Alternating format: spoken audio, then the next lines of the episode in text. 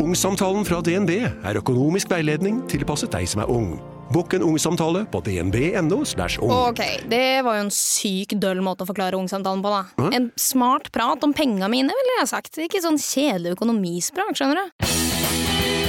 Forrige uke var det duka for tysk aften med Jernverket og Asbjørn Slettemark live på Vaterland. Jeg heter Helle Steinkløv. Her er opptaket fra kvelden med publikum.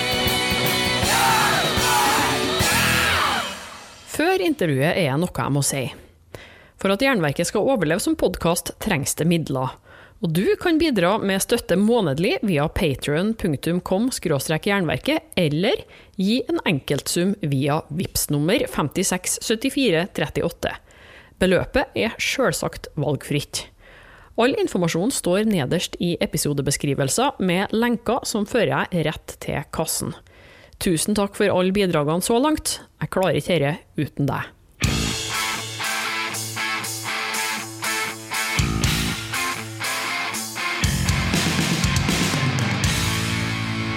Men da må vi skru av musikken, da.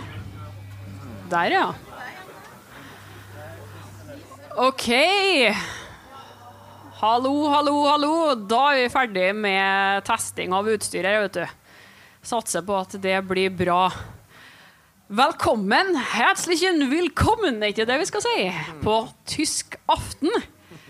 Trivelig at så mange tok turen. Det er jo utsolgt hus her i dag, og det skjer ikke hver dag. Jeg heter Helle Steinkløv og har en podkast som heter Jernverket. Og har vært så heldig å få med meg en, en, gjest her i dag. Gi en applaus til Asbjørn Slettemark, folkens. Hey! Takk. Og Groen til at det var tysk aften er egentlig litt til tilfeldig. For Vi satt og drodla her på Vaterland om hvilke gjester skulle vi hatt hvis vi skulle hatt en livepodkast. Ja, kanskje vi skulle invitert en Asbjørn? Har ikke han eh, nettopp vært i Tyskland da, som diplomatfrue? Mm. Jo, stemmer. og det hadde du. Og da spurte jeg liksom gjerne du Vi skal ikke kjøre en tysk eh, aften da, Asbjørn? Og da var ikke så vanskelig å be. Nei. Og eh, det er jo tyskere her i dag, så vil jo være eh, få sagt det på forhånd at det er ingen som påberoper seg ekspertise her. Mm. I disse dager så kan ikke vi det, for da blir du slakta. Mm, ja. Men det er Tyskland skjedd ut fra norske øyne? Ja, det kan du si. Um, altså, jeg har bodd fire år i Tyskland, så da um, får en et blikk på Tyskland. Noe av, det, noe av det kuleste med å bo i utlandet er jo å ta på følelsen av å være utlending. Uh, det har jeg jo aldri gjort i løpet av de første 41 årene av uh, mitt liv. Uh, og hvis det er en plass det er gøy å være utlending, så er det jo nettopp Tyskland. for det er så likt, men samtidig så vanvittig forskjellig fra, fra Norge. Og det er litt det vi skal komme inn på her underveis i kveld. Det blir jo mye hardrock og metal, men vi skal få plass til litt uh, pøls og fotball og utendørsbad og sånt òg, tenker jeg. Mm, de viktige tingene i livet. Men aller først, det kan jo hende at det er noen her i salen som ikke har fått med seg hvem Asbjørn Slettemark er. Eh, og du, du er jo musikkjournalist og mm. metal-fan og fotballfan og diverse. Men hvordan havna du der? I Tyskland? Um, Nei, altså bare innafor det, det musikalske. Oh, ja, sånn, ja. ja altså, jeg, jeg, vokste jo opp som alle andre med på 80-tallet med et, et, celebert utvalg av kassetter fra a-ha, OM og Tears for Fears. Og ikke minst Born in the USA, eh, som var en veldig viktig kassett eh, tidlig. på et eller annet tidspunkt så kom en kompis av meg, så da var vi vel kanskje 10-11 år eller noe sånt. Så en kompis heter Thomas Kronenes, som senere ble vokalist i Gorgoroth, faktisk. Um, under det sjarmerende kunstnernavnet Pest. Um, um, han kom da med en kassett med eh, bilde av Et sånn svart-hvitt bilde av en mann som står og holder noe som jeg da ikke skjønte var en testikkel. Um, men som da var jo dette mystiske coveret på Accept-albumet 'Balls to the Wall'. Um, og da det, gikk det ikke så veldig lang tid før både a-ha og OM og, og, og Tes for Fear Så de har liksom tatt opp igjen de bandene senere, men de, de, ble ganske fort rydda ut av gutterommet da når Udo Dirkschneider Eh, og hans eh, tyske bande kom med, med Balls to the Wall. Og så utvikler det seg til selvfølgelig, altså Iron Maiden dukker tidlig opp, etter hvert Slayer osv. Og så, eh, når jeg ikke var i stand til å fullføre gymnas, så begynte jeg å, å skrive om musikk eh, for eh, lokalavis. Eh, og så, når jeg fant ut at jeg var en langt under middels talentfull låtskriver, eh, så la jeg fra meg gitaren, tok opp pennen og etter det så har jeg egentlig vært journalist fra jeg var, fra jeg var 17 år gammel. Og du har jo klart å snike deg inn i hodene våre, eh, særlig da kanskje først gjennom at eh, du hadde pyro og lydverket. Mm. Og du har nå klart å holde deg aktuell, sjøl om det ble lagt ned òg, med alt mulig annet. Mm. Eh, som eh, bl.a. amerikansk fotball og nå tysk fotball. Men det, alt sånt kommer vi tilbake til. for at mm det er Tyskland vi er her for å snakke om, og du havna jo i Berlin for uh, noen år tilbake. Hva, hva, tenkte du da når du hørte uh, kjerringa si at uh, du, nå skal tar vi pakke snippesker, så drar vi til Berlin? Ja, nei, Jeg tenkte at når uh, går flyet? Uh, nå må vi sette og gå. Jeg har faktisk så vidt bare vært i Berlin før. Uh, vært på noe sånn seminartur med Lydverket der. Uh, vært på noe konsertgreier en gang tidligere. Men var overhodet ikke kjent med med byen. Men jeg tenkte jo at Berlin er jo Altså Skal en først flytte til utlandet, så er det jo stas å flytte til en storby. Eh, og en by som har enormt masse å by på. Um, og da var det egentlig bare å ja, sette seg på flyet, komme seg av gårde og skaffe seg et, et et sesongkort på Olympiastadion og, og finne ut hvor, uh, hvor de kuleste punkeklubbene var på andre sida av byen, og så sette i gang. Så det første du gjorde, var ikke å ta deg en sånn høy fløtebasert drink på Halford-baren? Nei, det ikke, tok ikke så lang tid. Har noen her som har vært på Halford bar? Ja, du har ja. på Helford bar. Vi må snakke litt om Helford bar, da. Vi kan begynne med det, siden vi først sveipa innom der nå, da. For det er kanskje en av tingene som er litt forskjellig fra Norge. Forskjellen mellom ja, Norge og Tyskland. Ja, At de har Helford bar? Ja. Mm. Altså, Helford bar ligger ligger vel i Friedrichshain, tror jeg, altså i, i eh, østdelen av eh, Berlin. Som er da rett og slett en bar som er en hyllest til Rob Halford, eh, Judas Priest-vokalisten. Og så har de Før så hadde de en sånn svær Altså, en tror Når en ser på sånne kule bilder på internett, så tror en at det er en ekte, liksom ordentlig rå statue av Rob Halford. Og det er det på en vis òg, men det er en sånn en plaststatue som er tom. Da, så hvis du banker på den, så kommer sånn hul lyd. Og så har de vel flytta den inn på et eller annet tidspunkt, og da var den litt for, den var litt for høy til å flytte inn. Så jeg tror de kutta litt av beina nede, så nå står den inne i et hjørne, da, eh, Rob Halford-statuen. Og der serverer de Hvis du f.eks. spør om om Fernet eller Underberg, eller sånt, så, så, ser det litt sånn rart på deg. Så står det noen sånn veldig, veldig berlinske damer der og serverer sånn de søteste mintshots. Um, og så får de altså, du ser, fløtebaserte drinker mens du kan beundre en, eh, en plaststatue av Rob Halford med avkappa eh, føtter. Og så fikk faktisk, Første gang var det, så fikk jeg kjeft, sånn ordentlig berlinerkjeft. Um, som du blir fort vant til når du bor i Berlin. Berliner Schnauze, som det heter. Jeg fikk kjeft for det at um, jeg, tror, jeg, husker ikke om vi hadde vært på konsert, eller hva det var, men vi var i hvert fall liksom gått i, godt i sånn norsk ja, Litt sånn norsk fadderukeform, um, kan du si. Som er litt vi spurte ikke høflig, vi forlangte at volumet skulle opp. Eh, det skulle vi ikke ha gjort. da. Så Det første besøket på Halford Bar var egentlig veldig mislykka. Det, det, var Love Europe som ble spilt, mens vi drakk sånne søte mint shots som var sånn 12% alkohol. Så det var nei, Halford Bar det er en veldig en flott plass. Man må jo innom når man først er ja, ja, ja, i Berlin. Fantastisk.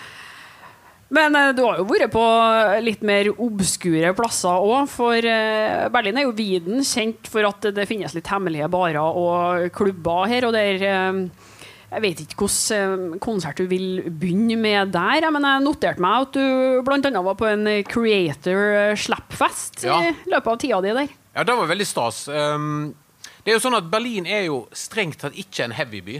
Det er jo ikke en metal-by. Det er jo måte, elektronika og klubblivet som, som, dominerer der. Men så har du òg en, en, eh, ganske sånn eh, levende hardcore punkescene eh, som er glad i både stagediving og moshpits og, og hiver brostein på 1. mai og, og molotov-cocktails. Så det er, liksom, det, er ikke, det er ikke en by som ligger på, på latsida. Um, men liksom eh, jeg, det, er, ikke sånn at du, du, går rundt i Berlin hver dag og ser Destruction eller Sodom spille på gatehjørnet. Uh, det, det, er ikke den typen by. Men så var jeg og så um, forrige albumet til Creator. Da uh, ble jeg Jeg husker ikke hvordan det ble til, men i hvert fall sikkert via noe plateselskap i Norge. Liksom. Ble invitert på um, en sånn intimkonsert med Creator. Og da kjente jeg at da oppnådde Da, da var jeg kommet til det punktet der at Ok, Hvis jeg har sagt dette til 16 år gamle meg sjøl, eh, så hadde jeg blitt veldig imponert over hva som hadde skjedd eh, med meg eh, resten i, eh, av, eh, av, livet. For det var helt fantastisk å bare stå på en sånn altså Det var ikke større enn dette her, egentlig. Eh, og så står Creator på scenen der. Litt skuffende. De spilte jo da bare låter fra det nye albumet. Så jeg hadde jo tenkt liksom å stå på første rad og høre 'Betrayer' og, og 'Pleasure to Kill' og sånt. Det ble ikke noe av. Men, men det var veldig det var en veldig kul opplevelse på en plass heter Musik und Frieden, som ligger midt i altså akkurat der Kreuzberg blir til, til Friedrichshain. En veldig kul eh, klubb. Sett veldig masse bra, bra konserter. Den norske Audrey Horn pleier ofte å spille der. På, eh, så det er Audrey Horn og Creator da, på, under ei bru i Kreuzberg. For Det er en del norske band òg som uh, har gjort det bra i Tyskland. Du fikk jo med litt norske konserter når du var der òg? Ja, jeg fikk sett um, Audrey Horn så et par ganger. De har noen ordentlige Die Hard-fans. I, I, Tyskland? I Tyskland, ja. Altså, det er ikke sånn at, det, det ikke sånn at de spiller sånn tilsvarende Rockefeller utsolgt og sånt i Berlin, men det kommer liksom tror jeg har sett de tre ganger. Det er, som, det er som en fast gjeng av ordentlige Audrey Horn-fans som bare elsker Norwegian melodic heavy metal. Eh, og så kommer, og så da er det full altså det er Alle som er på konserten, står òg da i kø i merch-boden etterpå og skal ha bilde med Arve i baris og skal ha liksom klem fra Torkjell og alt sånt. Da er, da er den tyske heavy-fanen på sitt aller, aller beste og, og ivrigste. Men eh, kanskje sånn av norske band som vi setter, altså Det mest eh, suksessrike i den perioden jeg bodde i, i Tyskland, er jo uten tvil Kvelertak. Altså, de har virkelig nådd inn til til tyskerhjertet. Um, så de på uh, jeg, det, det, var, jeg tror det var, det var nest siste konserten jeg så, 7. mars. var akkurat liksom, virus begynte å krype inn i, i, i Tyskland, og litt, sånn, litt i bakhovet. Um, husker jeg var tidligere på, på dagen så jeg så um, Hertha Berlin mot Werder Bremen på, på Olympiastadion. Og så tenkte, jeg hadde sånn følelse av dette er siste gang jeg står på Olympiastadion på fotballkamp en god stund. For alle skjønte at nå et eller annet i ferd med å skje. Så går jeg hjem. Så har jeg liksom fått med noen glass på, um, på, uh, på Olympiastadion. Og så var det litt sånn OK, skal jeg dra til andre sida av byen for å se Kvelertak? Og så, så um, og litt, sånn, litt korona. Er det litt sånn hvordan blir dette her? For de spilte med plass etter SO36, som er veldig sånn liksom Berlins CBGBs, på en måte. Um, der som Iggy, Iggy, Pop og David Bowie hang ut på, på 70-tallet. Veldig sånn kjent punk- og hardcore-venue. Men som òg, i likhet med CBGBs, er ekstremt trang. Uh, du kommer inn der så tenker du ja, og se folk er det plass her? Ja, jeg tipper kapasiteten her er sånn ja, 300-320. Nei da, der slipper de inn 670 mennesker. Uh, og så var liksom virus begynt å komme. litt sånn, ok, hvordan skal dette gå? Ok, nei, men ok, Jeg stiller meg litt i et hjørne tenkte jeg da, litt sånn desillusjonert. Men så kommer jeg jo inn der, jeg går, jeg går på konserten. Og så er det en sånn type plass Eneste måten du kan komme deg fra fremst foran scenen til, til, baren mens det er konsert, er omtrent å crowdsurfe. Og da, er jo, da gjorde jo alle. Så det er jo er den mest, sånn, er mest sånn smittefarlige konserten jeg har vært på noensinne. Eh, og da var det tilfeldigvis et virus på vei til, eh, til byen. Og det gikk heldigvis bra, da. Det var ikke kommet til Berlin ennå. Men da, det, da så du liksom Kvelertak på sitt beste. Ny vokalist, uh, ny trommis og bare et helt sånn et hovedstadspublikum. Hovedstadspublikum både i Oslo og andre plasser er jo ofte litt tilbakeholdne sammenlignet med, med, andre plasser. Men de går bare totalt bananas til, uh, til Kvelertaket. Så jeg er veldig blir litt sånn 17. mai-stolt. Crowdsurfa du for å få deg øl? Nei, jeg gjorde ikke det. Jeg, gjorde ikke det. jeg har vært på SO36 før, så jeg vet at og det er òg en veldig så rar ting med SO36 er at uansett hvor stappfullt det er der, og uansett hvor eh, liksom, moshpit-vennlig musikk det er, så selger de bare glassflasker. Eh, så da når jeg går på SO, så tar jeg alltid med meg fire glassflasker, og så går jeg helt framme til venstre. Og så håper jeg på det beste. Men du har jo fått med deg en god del eh, klubbkonserter der likevel, mm. sjøl om eh, Berlin ikke er noe utprega metallby. Kanskje særlig ikke eh, nå lenger. Det kan vi jo komme tilbake til snart. Men um, du har jo annet vært på Berlin Deathfest. Ja. Er det kanskje noen andre her som har vært òg? Ja. Nei, ikke en, her i dag. Vi må snakke litt om Berlin Deathfest. Det var en av de, faktisk en av de første um, konsertene jeg var på. Tidlig på høsten 2016, etter vi hadde flytta der til. Og så Altså, Berlin Deathfest er Altså, når du tar S-banen så langt ut som du kommer øst, mot et område som heter Marzahn, som er en sånn en, en, um, si, drømmebyen til DDR-regimet. Altså, de bygde Marzahn i Jeg tror den ble vedtatt i 1972. Eh, og sto ferdig i 77-78 eller noe sånt. Som er liksom den perfekte by for arbeideren. Så det er egentlig det er bare blokker. Um, og, men det er egentlig ganske sånn kult, da, for det, liksom, det er bra, bra som byløsning og sånt. Men sånn etter gjenforeningen av, av, Tyskland så har jo Marzahn blitt um, altså, blitt en veldig spesiell plass. Det er blant annet der det har nesten, nesten alt av nynazister i, um, i, Berlin, som det er en del av. det finner du i Marzahn, så det er veldig sånn, litt sånn rart område på kveldstid. Men skal på Berlin Deathfest, så tar du S-banen så langt ut du kommer, og så må du sette deg på bussen og ta den enda lenger ut øst. Um, og det, da Berlin Deathfest er på en fritidsklubb som da uh, veldig fint nok heter East End. Så det er liksom bare enden av øst i en sånn hva skal jeg si uh, ja, ordentlig sånn, sånn tysk fritidsklubb, nedtagga. Um, og, og, sånn, og det spilte du en haug med band som jeg må innrømme jeg ikke hadde hørt så masse om før. Veldig sånn fokus på russisk slam. Uh, vet ikke om folk kjenner til liksom slam-sjangeren, som er ja, er veldig spesiell, veldig upopulær blant mange. Ekstremt uh, seigt og brutalt. Og jeg skal bare finne lineupen her, for den er veldig fin. skjønner du. Har ikke hørt Slam på Jernverket den gangen det gikk på radio, for å si det sånn. Nei, sant? Oi. Og alle bandene her var det ofte. Og det var veldig masse fokus på litt sånn de Altså, russiske slamband kler seg sånn Tenk deg Fred Durst, men med balaklava. Um, og så da, Vi kan jo bare ta lynkjapt og se på, på lineupen her da, på Berlin Deathfest 2016. Åpna rolig klokka tre på fredagen med Human Waste. For Brain Corruption uh, ga vei for Intravenous Contamination. Klokka seks så begynte han for alvor med Five Stabbed, Four Corpses. Klokka sju kom endelig Ass to Mouth på scenen. Eh, kvelden ble avslutta med 'Extermination Dismemberment'. Eh, og så er vi på lørdagen, eh, 8. oktober 2016. Så spilte blant annet Corpse Fucking Art, Holocausto Cannibal, og så Det som må være Jeg har tenkt masse på dette at jeg tror dette er det mest krenkende, fornærmende og på et eller annet vis interessante bandnavnet noensinne. Har du hørt om Köln-bandet 'Begging for Incest'.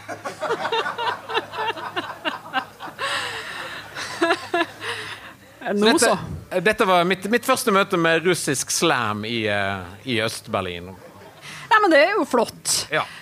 Berlin Deathfest er vel en av dem som ikke finnes lenger? Eh, eller får dem til å arrangere det nå?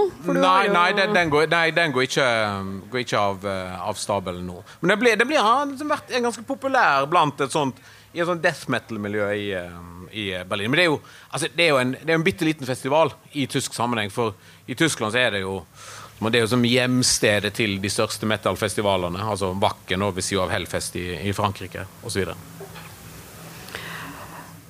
Men du har jo òg vært på en konsert som ble avlyst i siste liten, og det er jo sånn som vi har sett litt mer og mer av. Ikke noe særlig i Norge, men det har skjedd, det skjedd i Sverige, mm. det har skjedd i Finland, Tyskland ikke minst. Mm. Og det at såkalte aktivister kommer inn og stopper konserten. Mm. Ja, det, det, skjedde nå i, Jeg lurer på om det var i april i fjor, 2019. Så, um, og det er en sånn ting som har blitt veldig tydelig i Berlin og, altså Tyskland generelt, men spesielt Berlin um, um, de siste årene. For jeg skulle på konsert med dette eh, det var det kanadiske bandet Revenge. Fantastisk, eh, veldig møkkete, punkete black metal-band. Og så det jeg tenkte du skulle få lov til å uttale, for jeg klarer aldri å uttale riktig. Det polske bandet Er ikke en gua, man sier? Ngwa. Ngwa. M, altså MGLA. Er det polakker i publikum? Noen eksperter på, på polsk knivstikkende black metal.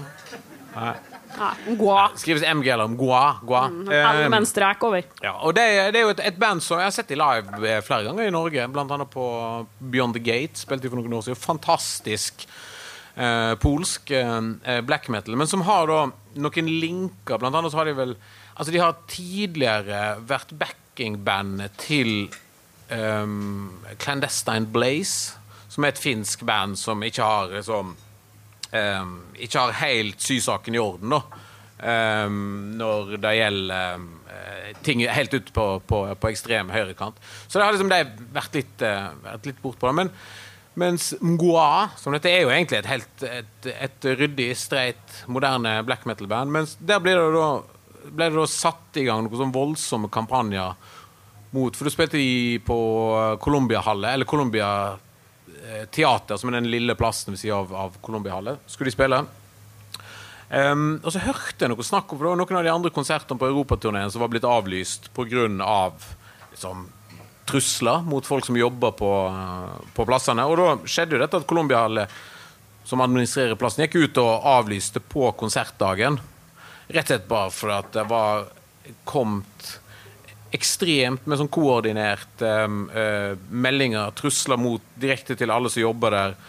Uh, arrangører uh, osv. Så, videre. så store deler av den turneen ble vel avlyst. Uh, og da er det jo an Antifa da, som, som jeg sånn, til, til en viss grad kan, kan sympatisere med i noen saker, men som da bare setter i gang liksom, ja, omfattende um, på en måte si, angrep eller tiltak, eller hva du vil kalle det, mot eh, konsertarrangører og sånt. Og det har egentlig skjedd veldig i Berlin de siste årene. De siste to årene tror ikke det har vært black metal-konserter som jeg har sett i, eh, i Berlin. Så masse de første årene. Nå er det bare helt, eh, helt renska vekk fra, fra Berlin.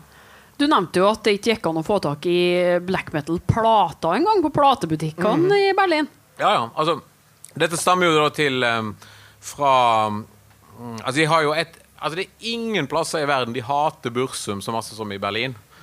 Eh, du går på, ja, blant annet på, faktisk på, på Berlin Death Fest. Husker jeg så et sånn klistremerke som sto eh, som sto foran DJ-en, som sto og spilte plate mellom. Og så det kein, kein, altså ingen rasisme. Kein rasismos, eh, eh, kein sexismos, kein Bursum. Liksom de tre hovedfiendene. Eh, Men dette har jo da forplanta seg videre i at eh, at for eksempel på, på Cortex, som er jo, mi, er jo mine favorittsjapper i, i Berlin, veldig kul sånn punk hardcore sjappa jeg selger ikke black metal. Jeg selger alle mulige un undersjangre av metal. Får tak i masse death metal og ja, selvfølgelig punk og hardcore som de selger, og alt mulig. Men får ikke tak i f.eks. ei Immortal-plate der. For alt som er assosiert med norsk black metal, eller black metal generelt, er liksom Det er ikke, det er ikke godkjent. Det er ikke, det er ikke sluppet innenfor byportene av eh, kontrollørene. Så det, men, og det, men det er litt sånn interessant da, til Skal ikke gjøre noe sånn stor greie ut av det nå, men det, det kommer jo til Norge. Og på et eller annet tidspunkt. Vi må eh, stålsette oss, for Ja, jeg syns ikke at Antifa skal få lov til å bestemme det, med mindre det kommer et eh, blodnaziband som står og myrder eh, jøder og homofile på scenen. Da, da kan du komme og sette ned foten, syns jeg. Ja, ja. Men uh, hvis du bare holder i en gitar, så skal du slippe å være frykt for livet ditt, uh, tenker jeg også. Uh, men da må du jo ut av Berlin. Altså Tror du at de kunne ha fått så stor makt at f.eks. Vakken måtte ha slutta å booke black metal?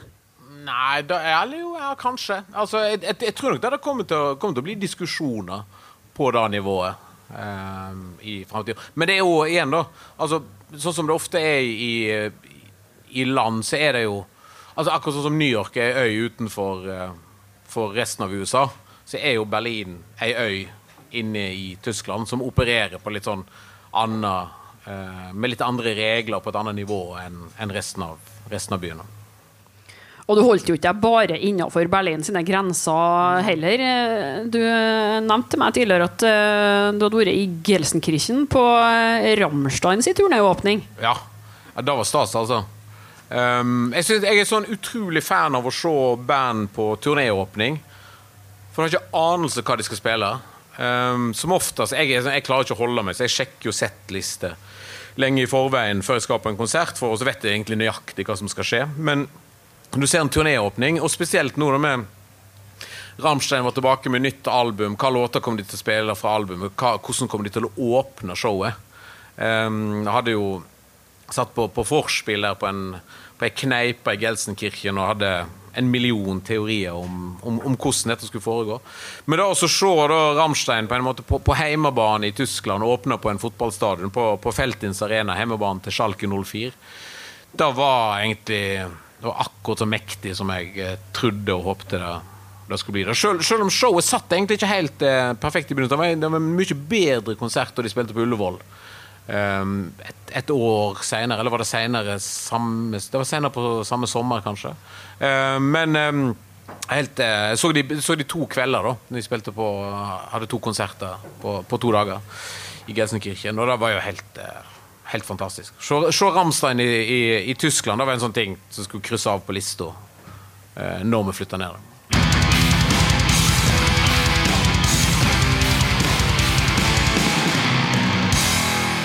Kan du beskrive den uh, tyske metal- eller uh, harde musikkfanen? For der er det store forskjeller fra mm. Norge. Det, altså, det å være på konsert her er jo søvndyssende. Mm. Sammenligna med det å havne mellom eh, en gjeng tyskere på rad 37. Mm. Ja, det var jævla sprøtt å være på Ramstein. Så jeg landa med noen sånne rare tyskere. Dag to så satt vi, og da hadde vi sånne sitteplasser på sida. Da havnet vi sammen med noen sånne tyske heavy og Donald Trump-fans. men det er, så, det er sånne ting som en lærer seg etter når en bor litt i Tyskland. At det, er, sånn, det er altså, absolutt alt kan skje. Når du treffer folk, så ja, så det, det er vanskelig å forutse hva det er. Så, så det var liksom ordentlig seriøs um, um, Metal-fans satt da i, liksom, i den der dongerivesten med alle de kotte med alle merkene sine på, og sånn maga-cap. Det er, det, er, virkelig rart. Men det, men det, sier vel kanskje mer om Rammstein, hva, hva, type folk de tiltrekker seg, enn den generelle tyske, tyske metallfanen. De, de, er veldig glad i dongerivesten sin nå. Ja, det der eh, har jeg lagt merke til. Vi har hatt mange en diskusjon om den, eh, nettopp den tyske dongerivesten mm. som er eh, nedsylta med jakkemerker. Fordi at det er ikke noe krave på vesten. Nei. Uh, nei, for, for det, er et, det, er jo ikke et plagg, det er jo ikke et jakkeplagg i den forstand. Det er jo det er på en måte mer som et litt avansert skjerf som du har på, uh, på, uh, på kroppen. Nei, det er, det, er, noe av det gøyeste av alt. Det er jo både, som, både på fotballkamp, men òg på, på, konserter. Liksom bare studere alle de forskjellige jakkemerkene som henger på. Altså, er, det, blir, det blir båret med stolthet. Ja, det er jo ikke nødvendigvis sånn at jeg tror at de har hørt alle bandene heller. For et annet, på et eller annet tidspunkt så får du jo så mange jakkemerker mm. at du ikke lenger vet hvilket band det er du har der. Altså Første gangen jeg så en fyr med eh, patchfrakk, det var i Tyskland. Og det var ikke bare det at han hadde jakkemerker over da hele yttersida av frakken, og til og med i armhulene. Mm. Men innsida av frakken var òg fora med det. Å, det er nydelig. Det er tysk. Og, og samme fyr kjente da en kar som hadde laga seg en vest av ølkorker som han hadde vevd hmm. sammen med ståltråd. Å, det er nydelig. Det, det var tyskere. Ja. Jeg, jeg, jeg, må innrømme at jeg vurderte på et eller annet tidspunkt Men Da skjønte jeg at liksom, integreringen kanskje har gått litt for langt. Da. Jeg vurderte på et eller annet tidspunkt det som byg, bygger meg en vest. Og setter meg ned og planlegger litt sånn. Så så jeg nei, OK, nei. Jeg må Jeg, jeg forholder meg til currywurst og Helles pilsner og ja, de, de tingene. Men uh, currywurst, altså pøls, uh, som vi nevnte helt i starten her, det er jo noe du har fått spist en del av når du var i Tyskland. For uh, Du har gjort en del sånne mm, uoffisielle tester mens du har vært der, og currywurst er en av de tingene du virkelig har gått inn for å smake på når du har vært her. Ja. Kan du fortelle oss først om hva denne pølsa betyr for tyskeren? Nei, altså nå i, faktisk Senest i jeg tror det var 2019, høsten 2019 så hadde Bilt, altså største, største tabloidavisa i, i eh, Tyskland altså tenk deg VG ganger 200, eh, både i utstrekning, men òg i måte, tabloidhet. Eh, kjørte en sånn knallhard konkurranse i Berlin om å kåre eh, beste currywurst i Berlin. Og du kunne liksom alle forskjellige folk i forskjellige bydeler um, kommer med liksom, innspill om sine lokale favoritter. Så hadde de et sånn eget team som drog rundt i Berlin og spiste seg gjennom alle de forskjellige currywurst um, hjørnesjappene, imbissene. Um, og ja, For det er liksom det, altså, Her i Norge så kanskje hva er det vi kjøper i Norge da, når vi er litt sånn småsultne skal være litt sånn sunne, så kjøper vi en sånn Polly småsulten på hjørnet på Narvesen. Uh, mens um, tyskeren tar med seg en currywurst og en pommes. Eller tar det på, for det blir alltid servert med sånn ståbord eh, rundt på hjørnet. Så, og det, det, er jo en ting som, som er veldig sjarmerende med Tyskland. at eh, Hvis du går på sånne sjapper, så er det jo alle som står der. står liksom som høyesterettsadvokat, masse folk i dress og gnafser i seg den her ekstremt usunne eh, currywursten. Men så står òg sånn kids og sånn noe noe eh, tyrkerungdommer og alt. Og alle som samles rundt eh, currywursten på hjørnet. Eh, helt, eh, altså, den er jo Den er jo det er jo ikke sånn, han, han er Tim Raue, som er sånn veldig kjent sånn Michelin-kokk. Som for øvrig òg er gammel sånn gjengmedlem fra Berlin.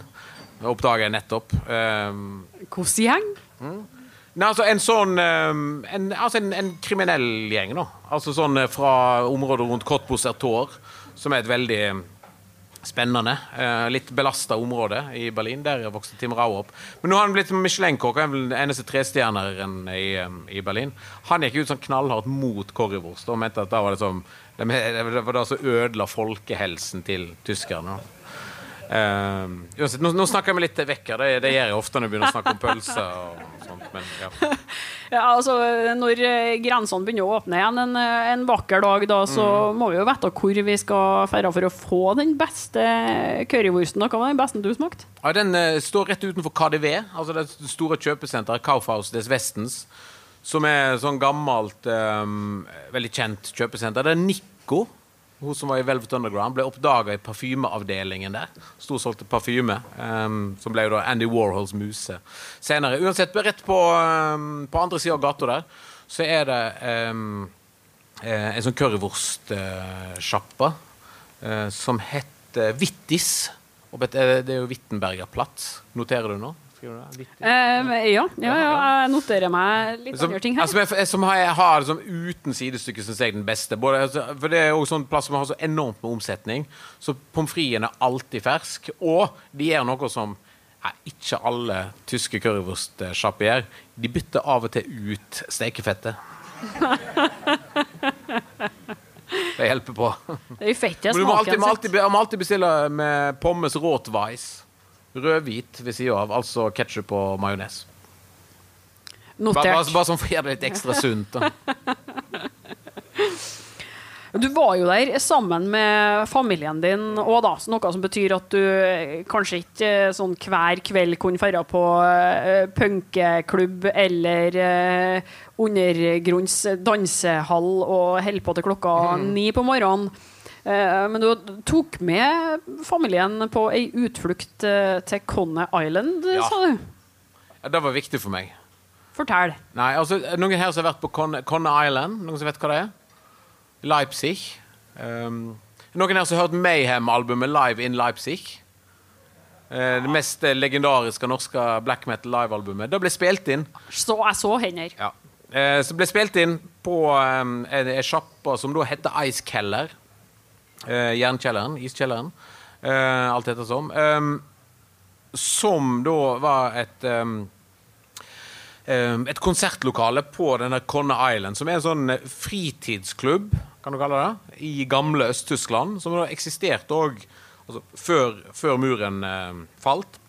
For um, Øystein Aarseth, uh, Euronymous i Mayhem, han hadde jo en sånn ekstrem fascinasjon for um, diktatur.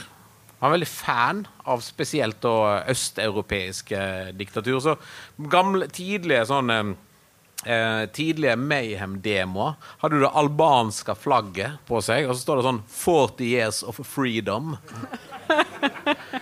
eh, og han var, han var, så besatt av å spille i, um, i, altså i Øst-Europa. Så med en gang muren åpna, så fikk jo de booka seg Å, oh, nydelig. Her er det noen som Du ser meg, du forstår meg.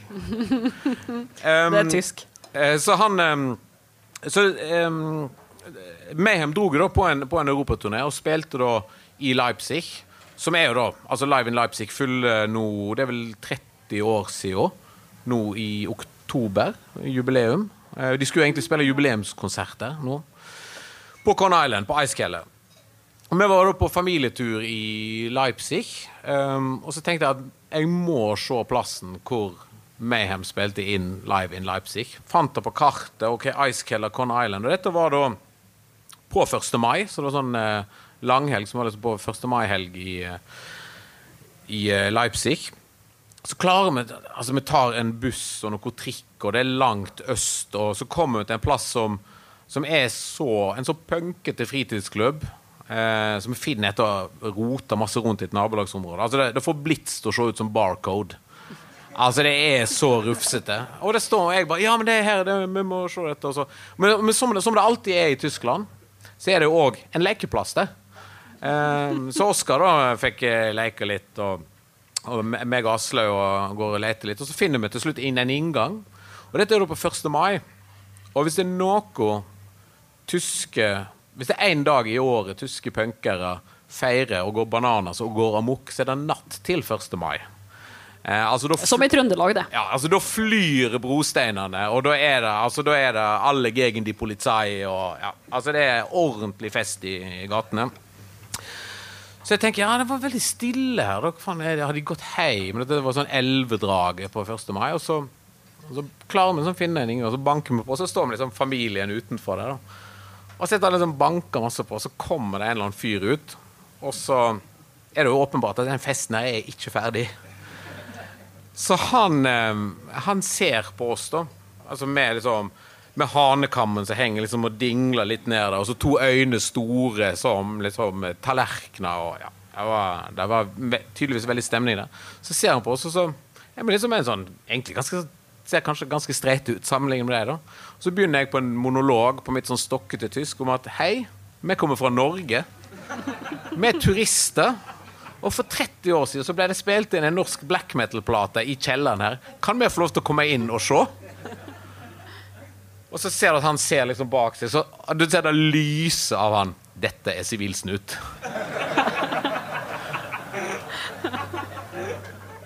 Og vi bare så, så, ja, så ser han ned på Oscar, en femåring som står der og syns dette er det kjedeligste han har vært med på i hele sitt liv. Eh, og så ser han sånn Nei, akkurat nå er ikke så bra tid bang! Så slapp jeg inn. Så jeg fikk aldri sett Ice Keller, men jeg fikk vært utenfor eh, Ice Keller, der Mayhem spilte inn live in Leipzig. Det er for øvrig hvis det er noen som, det er noen, noen tyskere her, uh, og hvis det er noen som leser tysk, så har han som booka altså Dette er så viktig hendelse at han som booka Mayhem til Leipzig i 1990, han har akkurat gitt ut ei bok som heter 'Da jeg brakte black metal til Øst-Tyskland'. Som er ei bok som kun handler om bookingen av den konserten. Jeg liker når tyskerne blir spesifikke. De får sagt uh, mye på lang tid, kan vi kanskje si. Ja, ja. og når vi er innpå øst, og hva som var brakt til øst Altså, så har jeg jo sjøl tatt toget utover i, i Berlin en gang. Jeg husker ikke på hvilken holdeplass jeg gikk av på, men vi var langt ut med det toget. Mm. Og vi hoppa for fordi vi så et marked der. Og det så jo litt interessant ut. Kanskje de selger noe spennende her eh, langt øst. Kanskje det er noe håndverksarbeid og sånn. Mm. Men det må ha vært et filmsett, eller er det så ille? Altså kan, noen, kan noen bekrefte eller avkrefte det her? For de solgte i en av bodene der brukte oppvaskbørsta til én cent. Eh, blant annet. Og lokk som eh, hørte til eh, tuppervarebokser uten mm. boks til én cent. Ja, ja. Alt kan og skal gjenbrukes. Det, det, skjer, altså. Det, det er sannhet. Det var, det var, ikke et filmsett. Jeg er, veld, er veldig fan av jeg, Der har jeg blitt veldig tysk etter jeg uh, flyttet hjem. Blitt veldig sånn fan av gjenbruk. Alt skal gjenbrukes. Og i, i Tyskland men vi, vi bodde i Vest-Berlin, som er ganske sånn egentlig ganske, ganske fjongt til å være Berliner. Charlottenborg. Men det, der er det sånn at en sånn tradisjon at du, hvis du har et eller annet du har lyst til å bli kvitt, så setter du bare i oppgangen. Altså på, foran liksom, speilet i oppgangen, og så kommer noen og tar det med. Og så, um, og så skulle vi ut Vi skulle ut på lekeplassen en søndags formiddag, eller noe sånt, og så hadde vi med, fylt opp noe sånn der sånn, sånn takeaway-kopper med kaffe som vi hadde med oss. Og så var litt styr når vi skulle ut, så Aslaug, samboeren min, hun glemte sin sånn takeaway-kopp med en sånn New York Times-logo på. Så bare glemte han i, i gangen. Og så går vi på lekeplass. 'Å, faen, jeg glemte kaffen min.' Og så kommer han tilbake igjen, så er han vekke.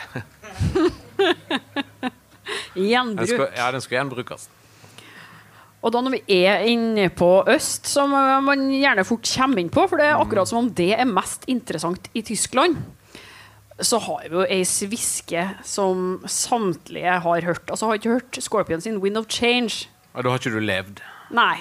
Det tror jeg faktisk Nei. ikke du har. Da daua du før den kom mm ut. Um, og du fortalte at det fantes en interessant teori bak den låta her, og det er ikke bare nødvendigvis et rykte på gata, men noe som det er blitt dedisert en hel podkast til. Ja, Wind of Change. Alle, alle kjenner jo til Wind of Change uh, her. Oi, oi, oi. Ja, det er så vakkert. Um, Wind of Change som er jo en låt som kom ganske godt tima til da at jernteppet ble viska til side og Berlinmuren uh, falt. Uh, det er mulig noen her òg har hørt den podkasten. For det dukka opp et rykte om at den låten var eh, skrevet ikke av Scorpions, men for Scorpions av CIA. For eh, CIA har jo lange tradisjoner med nettopp å bruke kultur for å eh, måtte skaffe seg politisk innflytelse. De sendte Nina Simone på, på, på turné i sånne afrikanske stater som de da vil eh, eh Som de skulle gjøre kupp i seinere for å myke opp for, eh, for amerikansk kultur osv. Men så er det en, en, eh, amerikansk journalist som har Han har liksom kontakta i CIA, og det er noen som har sagt han, ja da, det stemmer. Det er helt riktig. Så han bruker denne åtte episoders podkast eh, på å finne ut om CIA hjalp eh, Scorpions til å skrive Wind of Change. Og selve altså, bevislenka der er jo egentlig en ganske sånn plausibel, for ikke, Husker dere Moscow Peace Festival? Som var en sånn gigantisk eh, sånn fredsfestival i Moskva, der da de eh, kjente fredselskende, politiske bevisste bandene Motley Crew og Bon Jovi eh, eh, spilte sammen med var sin, nei, Cinderella var vel ikke med. Og så var jo selvfølgelig Gorky Park spilte der. Eh, russiske bandet.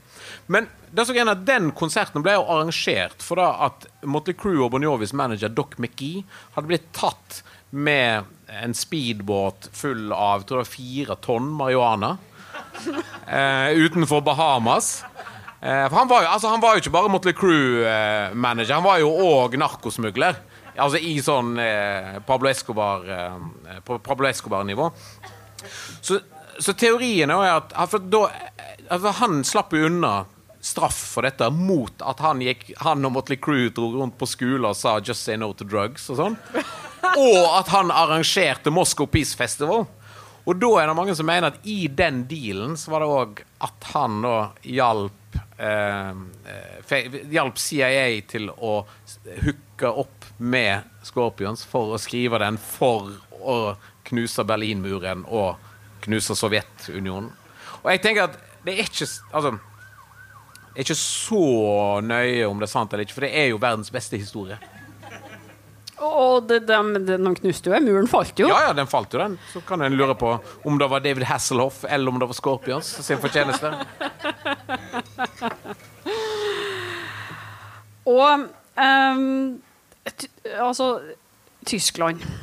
Festival er jo noe vi forbinder med det landet. Det, det er egentlig eh, utenom kanskje Sweden Rock, da. Og så er gjerne Vakken en av de festivalene eh, nordmenn eh, først besøker når de er i utlandet. Ja, for en fantastisk festival.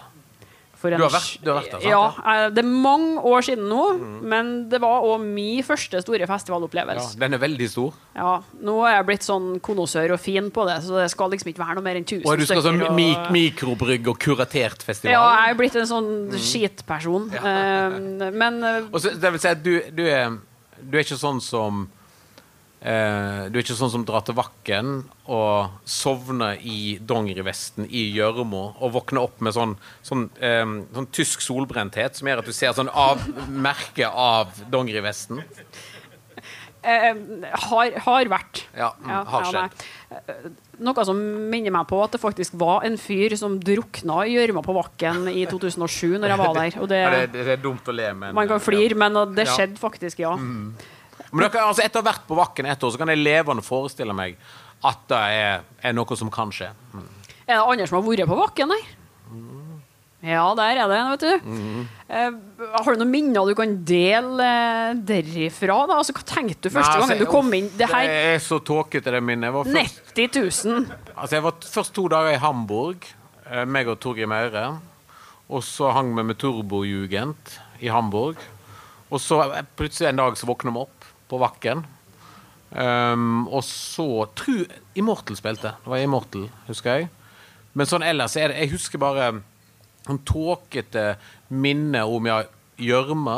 Og bare sånn enorme folkemengder av de mest sånn Altså Ikke sånn drita fulle, men sånn ordentlig ølfulle folk. Litt sånn, sånn seigfull. Ordentlig drita full, men litt sånn seig full. Um, og så kjempestemning. Jeg bor jo på campen i ei uke, og ofte så kommer du jo så langt ut i grenseland av campen at det tar to timer å gå til festivalområdet, og det er fortsatt samme festivalcamp.